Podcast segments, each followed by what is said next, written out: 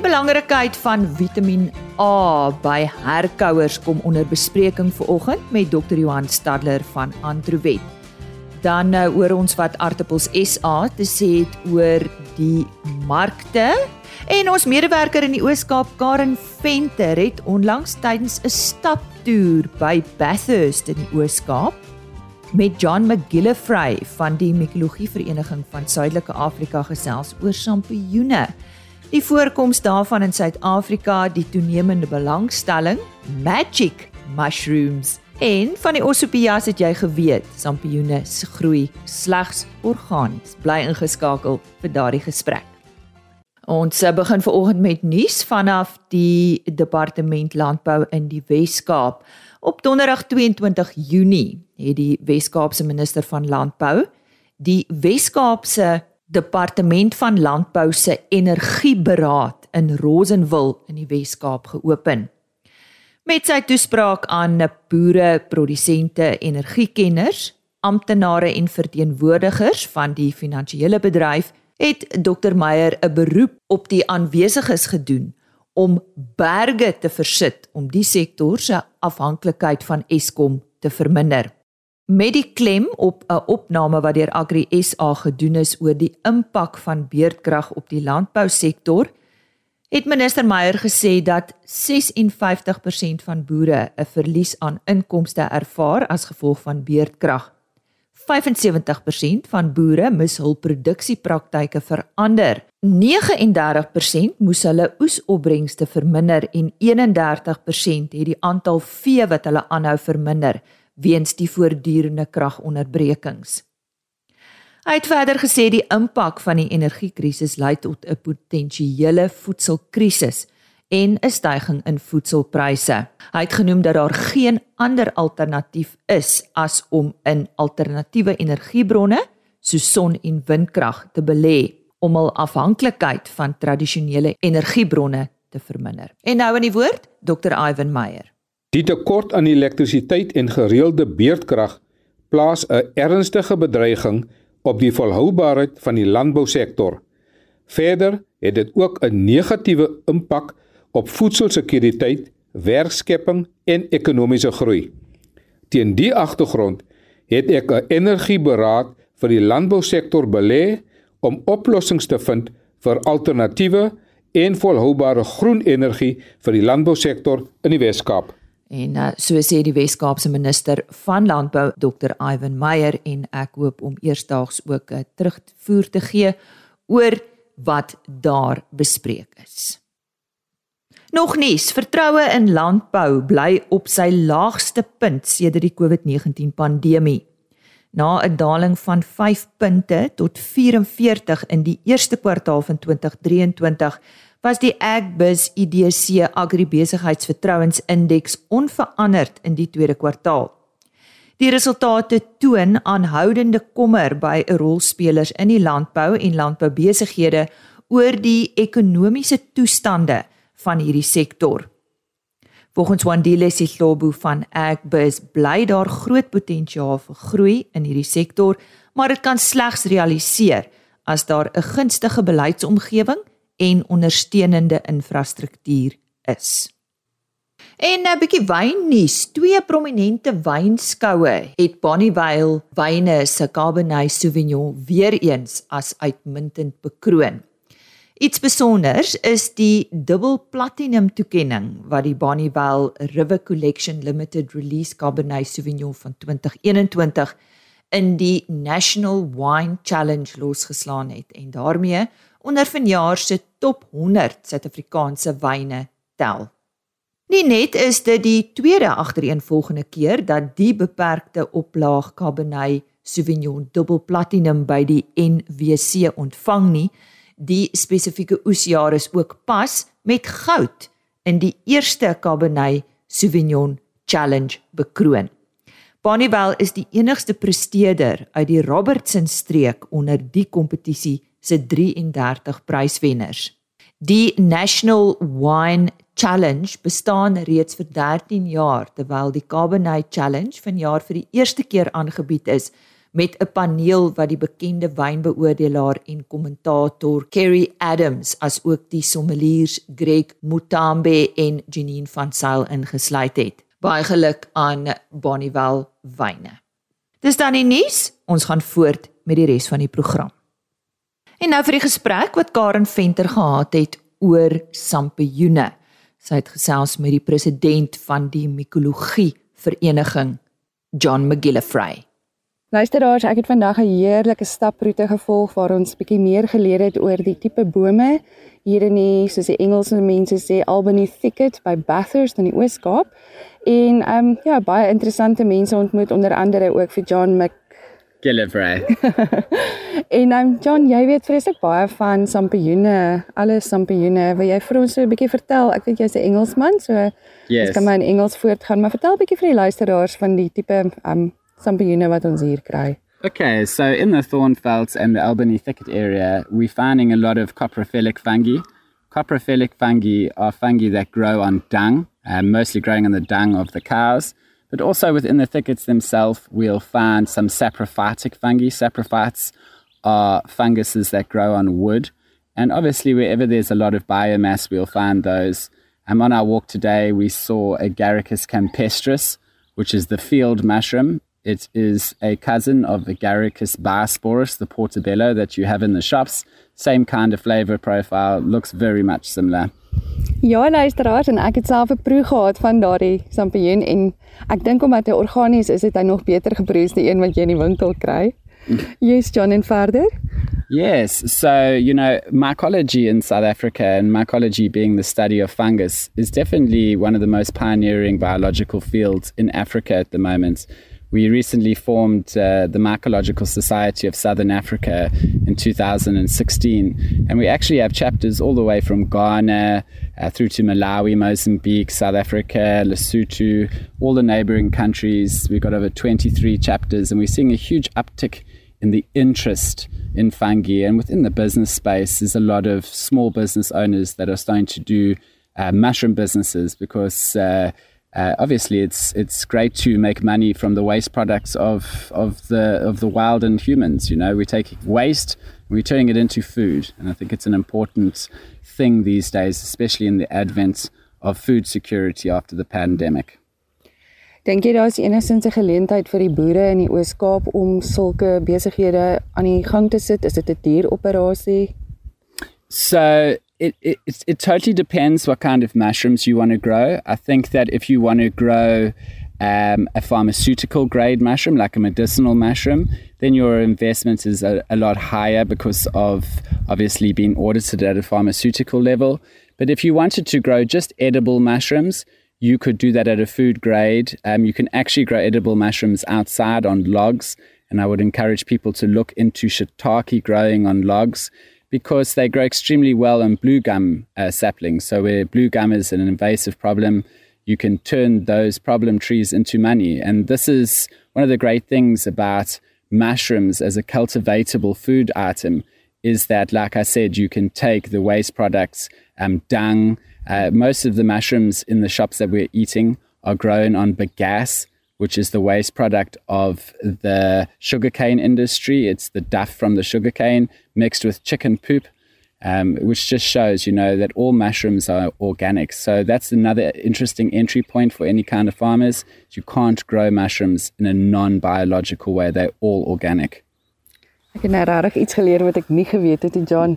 En um, ja, dit tel natuurlik eintlik vir al die produsente reg oor die hele land. What's also interesting is that there's no mushrooms that are toxic to touch and what this does is it makes mycology or the study of fungus very easy and accessible to anybody. Obviously, like with plants, uh, there are certain funguses that are toxic, but in South Africa currently we only know of nine deadly toxic species that actually make mushrooms um, in comparison to about the 17,000 other macrofungi. So it just shows that extremely toxic fungi is actually quite rare in the environment. And anybody can handle fungus. You can go out with your family, even if it's the world's most poisonous mushrooms, you can handle it, you can break it up.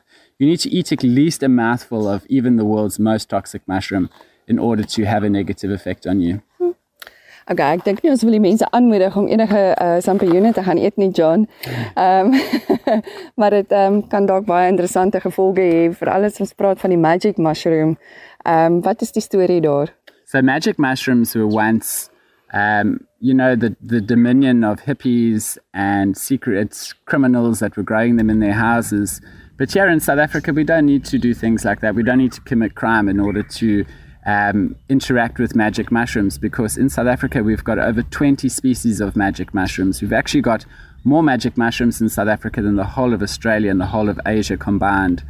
Um, these magic mushrooms are non toxic all magic mushrooms are in fact non-toxic edible mushrooms however they have an hallucinogenic effect mm. that effect is actually pretty healthy for your brain even though you might be a bit dear macaw and hallucinating the actual physiological effect on the mind is extremely good. It helps to refire broken uh, pathways within the cerebral cortex of your brain um, and helps to, to, to rebuild brain damage, actually. And they've started to do studies, the John Hopkins University, with people that have been in car accidents with traumatic brain injuries and giving them magic mushrooms uh, to help refire damaged parts of their brain. So I think the take back from magic mushrooms is um, that they're non toxic, um, that they occur in the wild in South Africa, and that they have medicinal value. They're not just for having a hallucinogenic experience. There is actual medicine involved. Dit is nou iets wat ek baie graag wou geweet het omdat ek um, dit geleer het of daarvan geleer het in Skotland en gedink het dit groei nie eers in Suid-Afrika nie. So mm. ek het nou baie geleer vandag. Yeah. Baie dankie. It's a pleasure. As iemand bietjie meer wil weet, kan hulle met jou gesels. Absolutely. They can uh, send me a message at 063 769 0856 and I will add them to their provincial mycological society. We have one for every province in South Africa. Here in the Eastern Cape, where we are now, we've got about 100 members, but in Natal, we've almost got 400 members in that society. So we've got some big societies. Dit was 'n vreeslike lekker interessante gesprek. Baie baie dankie. Ek wil vir jou eintlik nog vrae vra, maar ons tyd is klaar. John, baie dankie en sterkte met alles wat julle ouens doen. So sê Karen Venter sy daar gesels met John McGillivray. Hy is van die Mikologie Instituut van Suidelike Afrika. En ek moet sê ek het ook vandag heelwat geleer. Dankie Karen. As jy nou eers ingeskakel het, goeiemôre. Jy luister na RSG Landbou. Baie welkom. Volgende ons aartappelmarkverslag. Aan die woord is Lenay Roos, sy's besigheidsanalis by Artappels SA. En hiermee volg die markverslag vir die periode van Mei 2023. Teen die einde van die week 22 het die gemiddelde prys vir aardappels R58,43 per 10 kg sakkie beloop. Die prys was R17,30 hoër as die vorige jaar vir dieselfde tydperk wat op R41,13 verhandel het vir alle klasse en groottes. Die gemiddelde prys vir die 22 weke in 2023 het die hoogtepunt van die afgelope 5 jaar bereik. Nietemin het die verkope op die varsprodukte mark na die aanvanklike 22 weke van die jaar met 5.1 miljoen 10 kg sakkies gedaal in vergelyking met die gemiddelde verkope oor die afgelope 5 jaar. In Mei 2023 het die gemiddelde voorraad vlak op die varsprodukte markte 691010 kg sakkies per dag beloop. Dit verteenwoordig 'n gemiddelde afname van 95000 10 kg sakkies per dag in vergelyking met die daaglikse voorraadvlakke van April. Die jaar tot jaar gemiddelde voorraadvlak vir my het met 23.2% afgeneem wat 'n vermindering van 209000 10 kg sakkies beteken. Wat verkope in my aanbetref, het dit die 8 miljoen sakmerk oorskry, alhoewel verkope sedert Maart afgeneem het. Spesifiek het die verkope in April gedaal na 8.2 miljoen 10 kg sakkies in vergelyking met Maart se verkope van 8.6 miljoen 10 kg sakkies. Dit beteken 'n afname van 328 000 10 kg sakkies. In Mei 2023 het die verkope effe toegeneem met 124 000 10 kg sakkies en die verkope het bo die 8 miljoen sakmerk gebly. Dis noemenswaardig dat die verkope in Mei 2022 8.9 miljoen 10 kg sakkies bereik het. Met die vergelyking van die verkope van die 6 grootste streke in 2023 met die van 2022 was dit duidelik dat 4 van die 6 streke minder 10 kg sakkies verkoop het terwyl die ander 2 streke meer verkope getoon het gedurende die eerste 22 weke. Dit dui op 'n gemengde prestasie in die streke gedurende hierdie tydperk. Wat markverteenwoordigheid betref, het die Oos-Vrystaat, Wes-Vrystaat en die Noordwes provinsie wat die drie grootste streke op die mark vir die eerste 22 weke verteenwoordig, 59% van die totale aardappelverkope uitgemaak. As ons verder kyk na die klasse distribusie vir my, sal dit gesien word dat klas 1 72.6% van alle verkope uitmaak, wat 'n afname van 1.7% beteken in vergelyking met April se 74.3%. Klas 2 het met 0.3% toegeneem terwyl klas 3 met 1% afgeneem het. Klas 4 verkope was redelik konstant en het met 'n half persent toegeneem. Die grootte verspreiding van groot, groot, medium en medium aardappels het ongeveer 84% van die verkope in alle markte gedurende Mei uitgemaak. Klein, medium, klein en baba baba aardappelverkope het 16% verteenwoordig. Groot en groot medium aardappelverkope het onderskeidelik met 0.4% toegeneem in vergelyking met April. Die Wes-Vrystaat was die markleier gedurende Mei met die streek wat 2.8 miljoen 10 kg sakkies gelewer het, gevolg deur die Oos-Vrystaat met 2.5 miljoen 10 kg sakkies.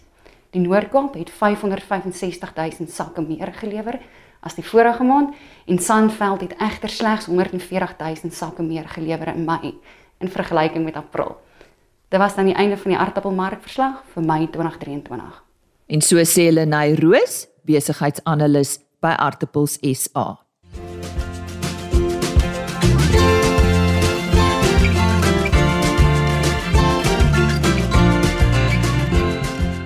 Die rol van Vitamiin A by dieregesondheid is waaroor ons vandag gesels met uh, Antrowet en ek verwelkom graag soos altyd vir Dr. Johan Staller.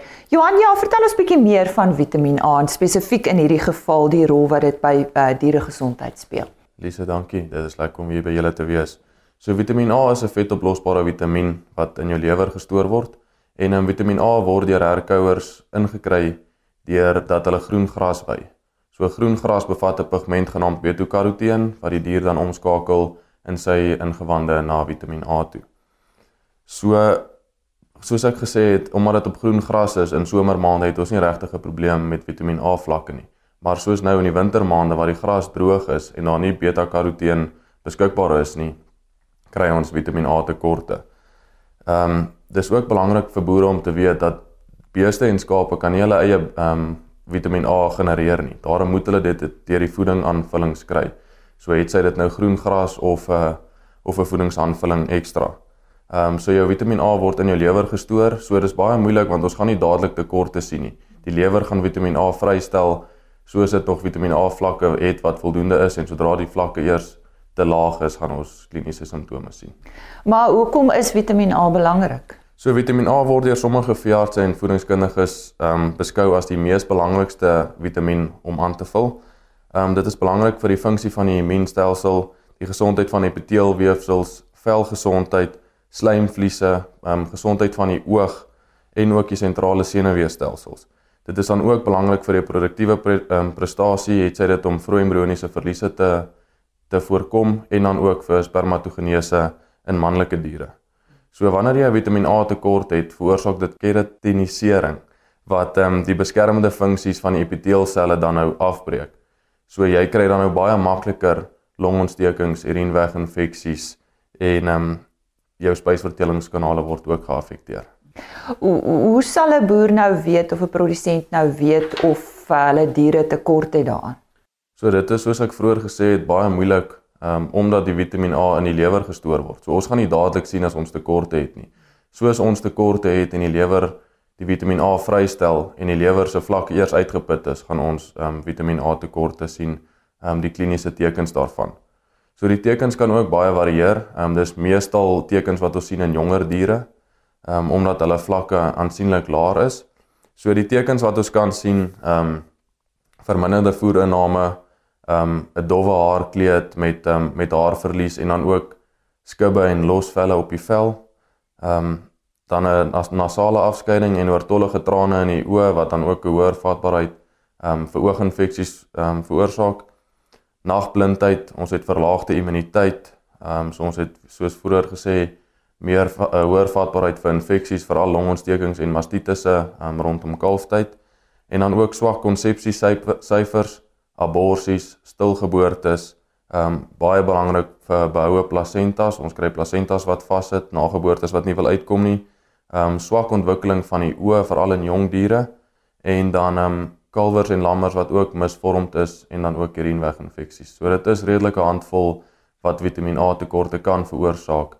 So dis definitief iets wat wat ons um, na moet kyk om ordentlik aan te. Ja, kom ons praat oor aanvullings. Uh wanneer sal ons aanvullings gee? So soos ons gesê het, omdat dit in die groen gras voorkom, het ons gewoonlik um, die beta-karoteen in die groen gras het ons gewoonlik in somertye genoeg Vitamiin A vlakke. So definitief in die droogte tye en in die winter. Um, ek dink baie boere het in die droogte wat ons gehad het in Januarie, Februarie vanjaar ehm um, vroeër begin Vitamiin A probleme kry omdat die gras uitgedroog het en um, ons minder Vitamiin A vlakke ehm um, beskikbaar gehad het. So ek dink boere moet let daarop dat wanneer nie net in die winter nie, maar ook wanneer dit droog is en ons veidingskwaliteit afneem, moet ons kyk om Vitamiin A aan te vul. Ehm um, daar's ook lae Vitamiin A vlakke in jou gestoorde voer en ook in jou pille wat die diere kry. Ehm um, voerkrale wanneer diere hoë konsentraat dieete ehm um, kry om te eet en die beerde die omskakeling van van beta-karoteen na Vitamiin A toe. So dan moet ons ook seker maak dat daai voerkraaldiere ehm um, genoeg Vitamiin A vlakke het. En dan baie belangrik voor geboorte, ehm um, is dit belangrik om dit aan te vul vir nageboortes wat vassit vir die kwaliteit van die kolostrum en dan ook sodat jy nie lammers en kalvers het wat misvormd is, wat swak oogontwikkeling het en ehm um, goed van die aard wat ehm um, wat Vitamiin A tekorte kan veroorsaak nie.